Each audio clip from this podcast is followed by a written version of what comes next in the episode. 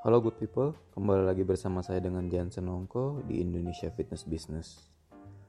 Hari ini saya ingin bercerita tentang perjalanan saya selama dua minggu ke lima kota yang berbeda untuk tujuan pelatihan, seminar, sampai dengan banyak sekali hal-hal yang berhubungan dengan industri fitness bahkan bisa dibilang seluruhnya adalah perjalanan yang berhubungan dengan industri fitness itu sendiri.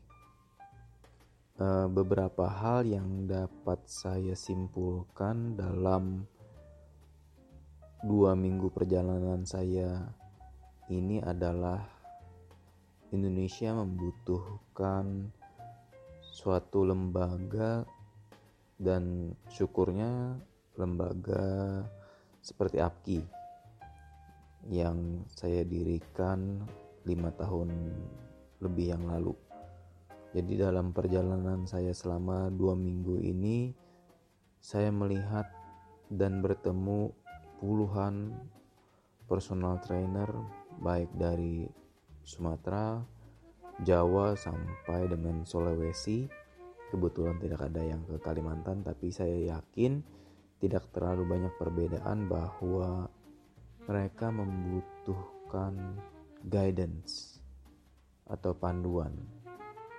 Jadi yang saya lihat dari perjalanan saya adalah banyak sekali coach yang bisa dibilang kehilangan arah atau tidak tahu harus ke mana.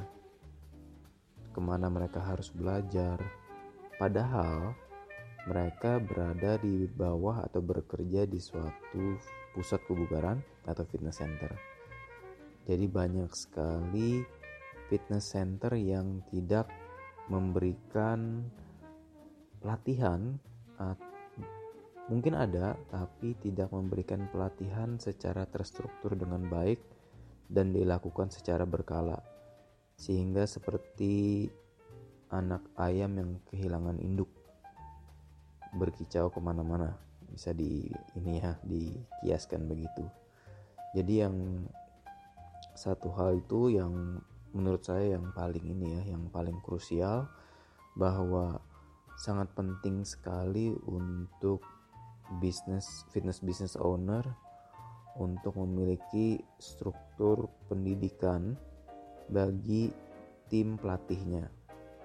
Jadi bukan hanya menyodorkan klien saja dan menganggap bahwa pengalaman mereka di masa lalu sudah cukup untuk handle klien-kliennya. Jadi yang seperti saya temukan juga di lapangan bahwa yang punya pengalaman puluhan tahun, belasan tahun, lima tahun ke atas ngajar pun ternyata memiliki bisa dibilang memiliki standar melatih yang cukup rendah karena sering kali melewatkan apa yang kita sebut sebagai basic atau ilmu yang mendasar. Contohnya ilmu-ilmu yang berhubungan dengan anatomi dan juga yang berhubungan dengan persendian sampai dengan pergerakan dari tubuh itu sendiri. Secara sederhananya ya, saya jelaskannya bahwa mereka masih banyak yang belajar secara otodidak sehingga melewatkan hal-hal penting, hal-hal mendasar yang penting.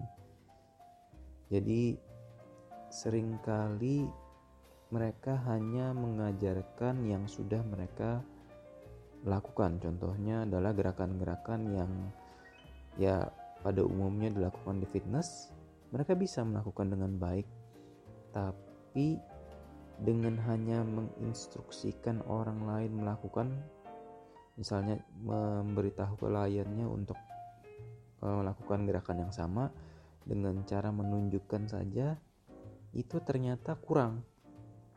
Jadi, mereka tidak menguasai cueing-cueing atau instructional skill yang seharusnya lebih penting.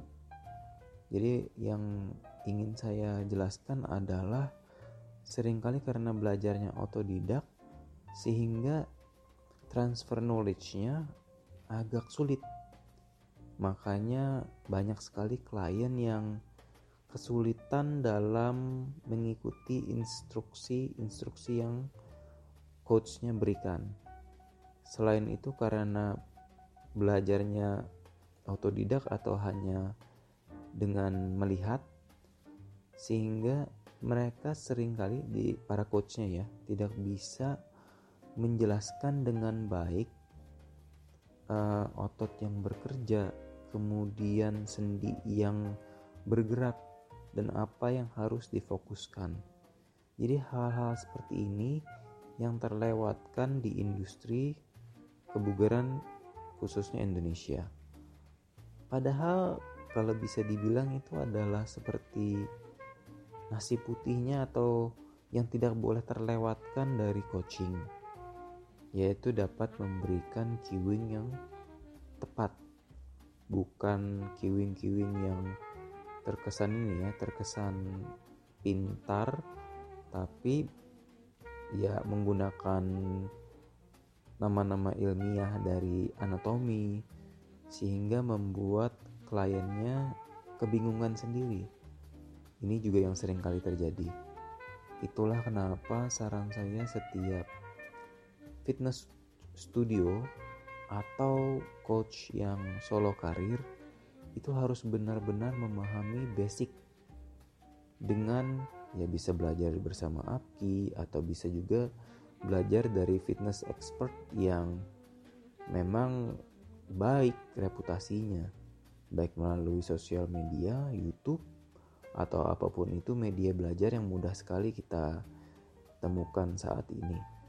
Nah, saran saya untuk pebisnis fitness di seluruh Indonesia adalah daripada mereka guessing atau gambling harus belajar dari mana, makanya perlu membentuk atau membangun suatu sistem pendidikan internal atau kalau misalnya mau dibantukan dengan APKI juga boleh tapi saya sangat menyarankan adanya seperti standar dari masing-masing fitness studio itu sendiri.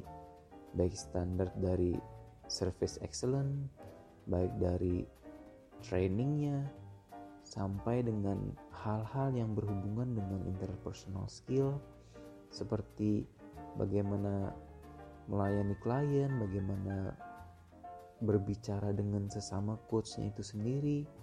Dan ya karena kita di bidang jasa ya jadi sering kali orang berpikir hanya seorang coach itu hanya melatih saja gitu loh. Padahal kalau kita berbicara jasa interpersonal skill seperti keramahan sopan santun itu juga sangat penting. Walaupun yang saya lihat di Sumatera Sulawesi dan Jawa memiliki culture yang berbeda. Tapi yang namanya sopan santun itu sama gitu loh. Tidak membutuhkan asal usul atau personal preference atau apa pun itu budaya. Tetap yang namanya ramah ya ramah gitu loh. Itu yang sering kali apa ya digunakan oleh oknum tertentu yang mengatakan ya culture-nya orang A begini, culture-nya orang B begini, padahal tidak gitu. Di semua pulau yang saya kunjungi, ya namanya orang ramah dan memiliki sopan santun ya baik gitu Jadi selain sistem pelatihan yang harus terstruktur dengan baik, juga harus memiliki ini ya apa pendidikan di bidang interpersonal skill. Yang kalau misalnya dulu para bisnismen atau para model itu diikutkan seperti sekolah-sekolah personality school. Kalau sebagai contohnya dulu yang cukup populer adalah adalah John Robert Power begitu begitu itu menurut saya sangat penting.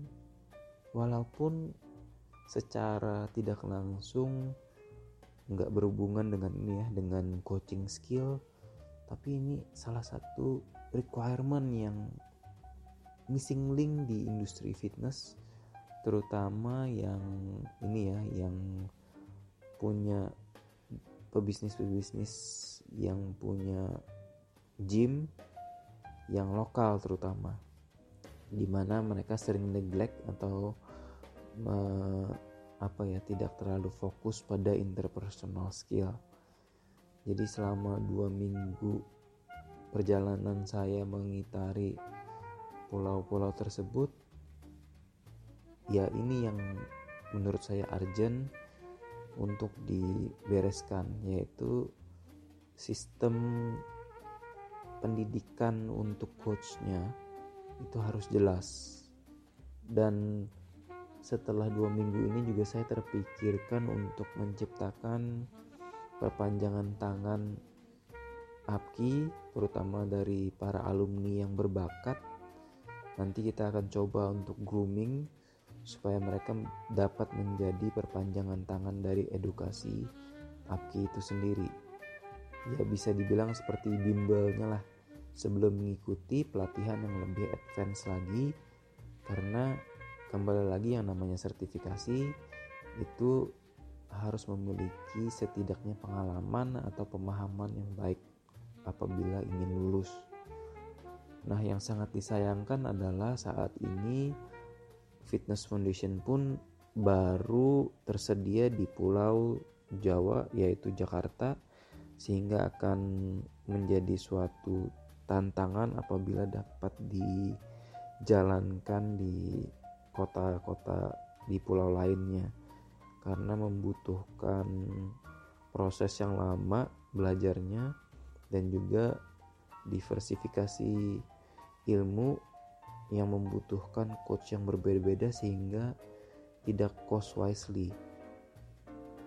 Saya sebenarnya agak worry dengan dengan dengan sistem ini karena ya hanya Java centralized sehingga yang mendapatkan privilege itu adalah ya yang tinggal di dekat dari Jakarta atau orang Jakarta itu sendiri. Ya, ini yang dapat terpikirkan oleh saya saat ini. Semoga dengan dimulainya banyak representatif dan perpanjangan tangan dari Apki Education terutama dari para alumni untuk dapat menciptakan suatu sistem pendidikan yang fokus pada kota asalnya masing-masing sehingga setidaknya sudah mulai dapat meningkatkan standar dari masing-masing coach yang ada di kotanya mereka. Jadi ini adalah PR yang bisa saya katakan cukup urgent karena perkembangan industrinya sendiri itu sangat rapid sekali dan ada saya pribadi mungkin belum banyak yang menyadari bahwa kita adalah sasaran empuk dari uh, profesional dari luar Indonesia terutama Western dan Eropa bahkan dari negara tetangga itu sendiri saya melihat ini sebenarnya sudah beberapa tahun yang lalu sehingga terciptalah Global Fitness Education yang di mana dapat meningkatkan kebanggaan dari uh, pelatih fitness Indonesia itu sendiri bahwa kita juga bisa menciptakan orang-orang hebat. Nah, uh, dalam tahun depan sebenarnya memang kita mau fokus di Global Fitness Education dan berjuang dan bersaing secara global sehingga ada di satu titik di mana kita dapat menyamai mereka baik secara kualitas terutama dari kualitas sih. Kalau kuantitas saya tidak terlalu ini ya tidak terlalu pusing. Itu saja yang saya dapat bagikan selama perjalanan dua minggu in, uh, terakhir ini. Saya bersyukur sekali sudah bertemu dengan APKI alumni baik di Pekanbaru, di Bali, kemudian Palembang, Bandung, dan Jakarta. Saya sangat-sangat bersyukur sudah mendirikan APKI itu sendiri dan melihat mereka dapat maju, maju sekali. Bahkan dari sharing-sharing sesama coach alumni APKI, ada juga yang berhasil mengatasi keterpurukannya yang di mana gymnya sepi sekali sampai bisa menjadi ramai sekali. Dan juga ada juga coach yang mendapatkan kembali martabatnya sebagai seorang coach. Dan saya juga ingin mengucapkan selamat kepada seluruh tim fitness embassy Surabaya yang sangat solid saya bersyukur mengenal kalian semua dan bisa menjadi mentor dari kalian semua. Semoga apa yang kalian bangun di Surabaya dapat menjadi proyek percontohan untuk kota Surabaya itu sendiri bahwa suatu pusat kebugaran yang fokus ke service excellence tidak fokus dengan penjualan sama sekali dapat bersaing dan menjadi yang terbaik sehingga akan semakin banyak menginspirasi pelaku-pelaku bisnis baik di Surabaya, Jawa, Kalimantan maupun seluruh Indonesia.